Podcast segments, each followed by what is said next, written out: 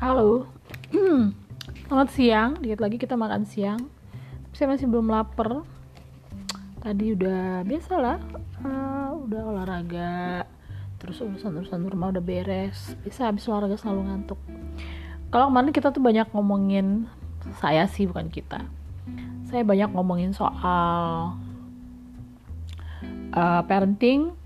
Uh, sementara kita stop dulu. Kita lanjutin minggu depan ya nanti saya ngomongin parenting uh, waktu anak saya usia sekitar ya 1 sampai 5 lah toddler gitu ya. Dia baru pas usia sekolah. Saya sekarang mau ngomongin um, saya cuma mau kita, kita tuh mikir gitu pernah gak sih ada mimpi-mimpi kalian tuh yang nggak um, tercapai gitu? Kalau saya sih pasti ada gitu uh, ada beberapa yang saya syukuri. Nggak sekarang sih semuanya saya syukuri ya. Ada beberapa tapi tiap diingetin tuh kayaknya uh, aduh hidup saya gimana ya kalau ternyata apa yang saya mimpikan itu terjadi gitu. Nah uh, saya mau cerita kalau sebagai dari dulu sebegini. Saya kayaknya berpikir uh, otak saya tuh di masa depan perasaan saya di masa lalu tapi badan saya di masa sekarang. Nah, kenapa? Karena uh, saya itu kalau perasaan saya di masa lalu, saya tuh suka film, musik itu yang tahun-tahunnya tuh oldies banget. Oldiesnya tuh nggak kira-kira gitu ya. Bayangin saya udah umur SD kelas 6 sampai SMP gitu, saya tuh udah suka gitu film-film tahun 50-an, 60-an gitu ya, ke atas gitu. Terus saya Hmm, musik-musik yang istilahnya yang musik-musik lama lama banget ya. Bukan kalau tahun 70-an saya masih SD masih deket lah ya bapak saya juga masih suka pasang gitu. Malah saya nggak gitu suka gitu musik-musik tahun 70-an gitu. Terus tapi musik-musik uh, tahun 30 tahun 40-an lah gitu tahun 50-an terus film-film tahun segitu tuh saya udah suka gitu kan nah, aneh ya sampai sekarang. Nah, pikiran saya tuh ke depan. Jadi, misalnya gini, saya tuh berpikir mau uh, sekolah di luar negeri. Saya udah bayangin anak-anak SD, SMP, waktu zaman saya tuh nggak nggak kayak sekarang ya, yang karena informasi gampang bisa kepikiran begitu. Saya udah mikirin gitu. Mungkin karena saya waktu itu suka baca kali ya, terus saya dapat dapat lah kayak intisari kayak apa gitu kan. Atau atau nggak dengar cerita baca-baca biografi. Nah anak-anak umur saya tuh belum kepikiran saya udah mikir gitu. Aduh pokoknya ntar mau sekolah ke sini uh, saya mau begini mau begitu. Jadi saya waktu SD itu saya tuh udah mikir mau nanti SMP ke mana SMA ke mana kuliah tuh apa mau jadi apa gitu. Jadi pikiran saya tuh udah ke depan. Dan itu kalau saya cerita sama um, apa ya sama teman-teman saya tuh suka yang kayak uh, saya tuh dianggap aneh gitu. Sedangkan badan saya di masa kini. Dan apa yang saya pikirkan dulu sekarang tuh udah kejadian semua gitu loh. Nah, jadi saya suka mikir kalau kan saya lahir sekarang kira-kira gimana ya? Terus kayak saya suka research gitu kan. Dari dulu tuh saya suka banget nyari tahu, cari tahu. Cuman kan akses nggak kayak nggak segampang sekarang kan. Sekarang tinggal Google, tinggal Google. Kalau dulu nyari buku ini aja susah, nyari ini aja susah gitu ya. Belum dulu orang tua saya agak hmm, banyak yang orang tua dulu lah ya banyak jangannya.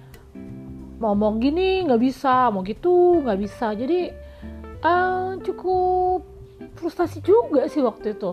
Nah um, dulu tuh saya udah kepikiran mau kuliah mau sekolah di luar negeri. Jadi waktu SMP kan teman-teman saya memang menengah ke atas mereka bisa tuh habis SMP mereka sekolah ke New Zealand lah ke Australia gitu ya. Atau ntar kalau SMA setahun dua tahun habis itu nerusin ke Amerika. Gue mana mungkin gitu kan. Nah terus saya pikir satu-satunya tuh beasiswa aja coba tanya. Aku nulis surat loh ke kedutaan Jerman. Tulis tangan tulis tangan dan to my surprise itu dijawab. Dijawab. Dijawab. They, were so very nice. Mereka baik sekali. Uh, mereka bilang kami nggak menyediakan untuk beasiswa SMA tapi ini informasi sekolah di Jerman. Dan abis itu ya nggak bisa gitu ya. Terus pas saya udah kuliah um, di UI saya selalu bercita-cita untuk bisa sekolah ke luar negeri gitu. Yang pasti karena hukum saya pengen kuliah di Belanda dong gitu kan. Saya pengen kuliah di Leiden. Pokoknya saya pengen keluar saya pengen banget punya pengalaman kuliah di luar negeri. Udah kebayang naik sepeda ke kampus terus mungkin saya harus baca buku di perpustakaan bikin tugas terus kayak harus masak sendiri terus tinggal begini sama orang-orang gitu ya jadi saya ngerasa waktu saya ngekos di Depok tuh semacam kayak latihan sebelum saya ke luar negeri. Terus saya mau terus saya bisa jalan-jalan gitu kan. Makanya saya dulu punya cita-cita menjadi diplomat gitu. Tujuannya sih itu doang. Uh, terus bisa ke museum-museum yang keren-keren. Terus melihat uh, apa ya karya-karya seni yang selama ini saya cuma bisa baca gitu kan. Terus ke tempat-tempat yang saya hanya bisa lihat di film-film tapi masalahnya adalah uh, kalau untuk bayar sendiri kayak nggak mungkin. Nah mau maunya kan beasiswa. Beasiswa itu tapi nilai harus bagus sedangkan saya biasa aja. Nah terus bisa sih tapi ya misalnya harus kerja di maksudnya gini uh, kemungkinan-kemungkinan yang besar kan jadi dosen gitu ya.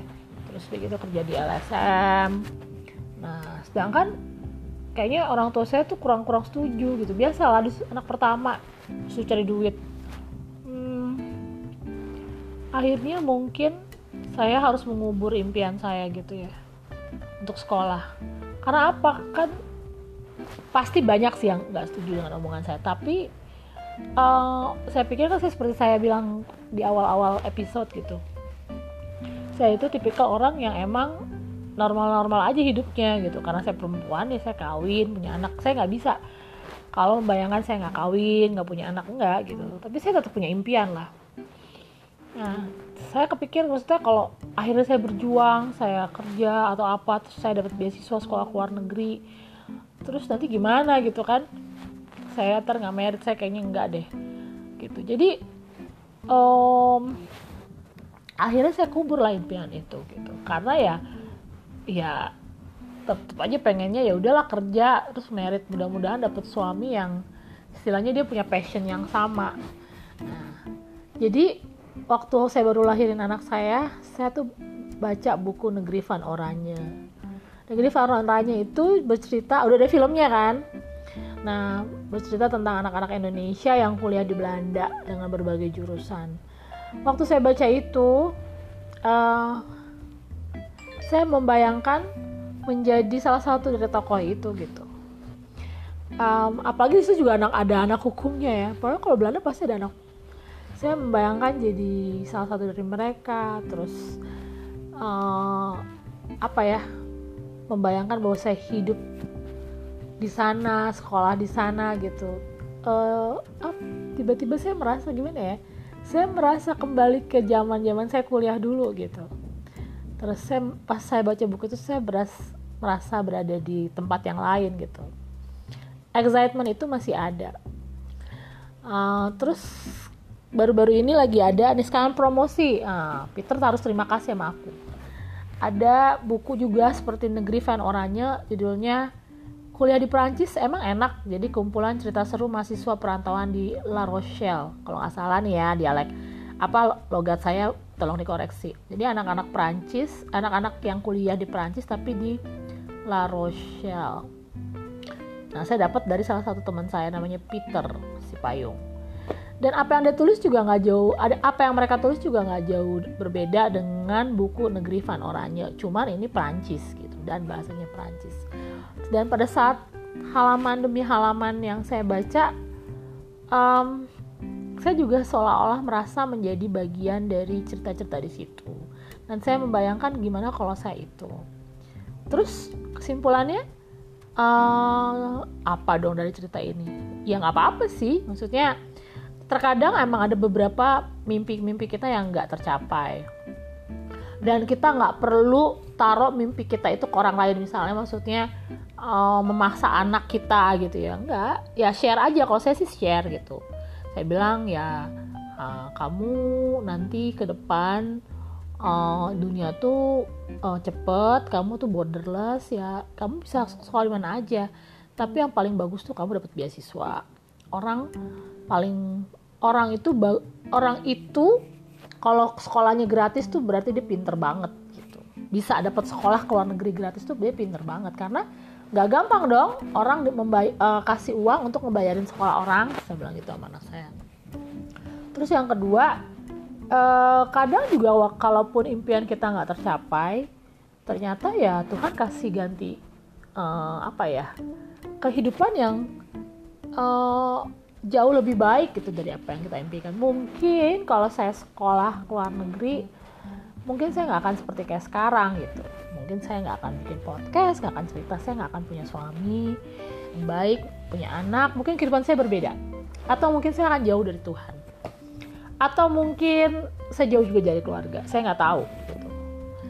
Uh, tapi kalau kita tetap excited mendengar cerita-cerita ya nggak apa-apa bahwa pernah ada mimpi seperti itu kan membuat apa ya membuat kita terus punya uh, visi gitu loh ke depan. Punya impian. Oke okay, aku memang nggak tercapai sekolah ke luar negeri. But then so what? Apa yang mesti bisa saya lakukan gitu? Kan kadang banyak orang yang mimpinya nggak tercapai akhirnya jadi aneh gitu kan. Terus jadi kayak frustasi gitu. Ada beberapa mimpi yang pada akhirnya tercapai di usia-usia tua. Tapi akhirnya kita menyadari bahwa emang saya nggak butuh banyak-banyak banget. Contohnya kemarin saya cerita belajar berenang main piano gitu ya. Kan kayak orang sekarang lagi pada rajin belajar biola saya sih nggak mau bukan apa apa alasannya simpel sakit tangannya sakit gitu ya bahu nggak. Saya emang bener pengen cuman pengen belajar piano. Karena saya suka nyanyi. Nah, oleh karena itu uh, kadang memang kita harus banyak sering uh, berkontemplasi gitu dengan diri kita. Menghitung mengingat kembali apa aja yang udah terjadi sama hidup kita. Kalaupun saya tidak jadi sekolah saya tetap pengen loh pergi ke Belanda melihat-lihat uh, apa ya kota-kota yang hmm, dulu tuh hanya ada di angan-angan saya. Uh, membayang melihat eh, orang-orang yang naik sepeda mau kuliah. Bener deh waktu itu pernah ya waktu kuliah itu saya ada kerjaan gitu bikin seminar sama alumni alumni Universitas Leiden gitu dari dosen saya. Terus dengar mereka bahasa Belanda tuh saya tuh sempat batin dalam diri saya. Duh pengen banget deh suatu saat bisa kayak gini gitu. Tapi ya nggak apa-apa nggak tercapai. Walaupun sempat keterbersit sih kan rumah saya nggak jauh beda. Eh nggak jauh beda nggak jauh dari kedutaan pusat kebudayaan Belanda. Jadi sebenarnya boleh juga nih uh, ambil les bahasa Belanda cuman kalau sekarang kan mikir ya waktu lah apalah macem-macem. Ya udahlah nggak usah. Kadang memang kita harus berkompromi gitu loh dengan kenyataan hidup dengan keadaan hidup. So uh, sebagai penutup buat kalian yang masih punya mimpi selama masih bisa kejar terus aja gitu. buat kalian yang mimpinya ternyata nggak tercapai kadang kita harus berdamai juga gitu um, mungkin ada alternatif lain yang jauh lebih baik. Atau satu tak ke belakang ya ya juga sih ya emang nggak pas aja gitu. Pokoknya harus lebih banyak berdamai lah dengan keadaan dengan diri sendiri. Tapi bukan pasrah loh. Tapi ya maksudnya artinya seperti yang tadi saya bilang. Ada yang kita harus let it go ada yang harus kita kejar terus ada yang uh, ya nggak apa-apa. Ternyata kita akhirnya pada akhirnya dapat gitu saya nggak kuliah ke luar negeri tetapi ternyata saya bisa belajar dengan berbagai banyak hal dan dia menyukai saya menemukan banyak hal itu yang mau diajarin sama saya ternyata so again and again never stop dreaming and never underestimate your dreams oke okay? Selamat siang, selamat makan siang, selamat menikmati hari-hari yang menyenangkan. Bye.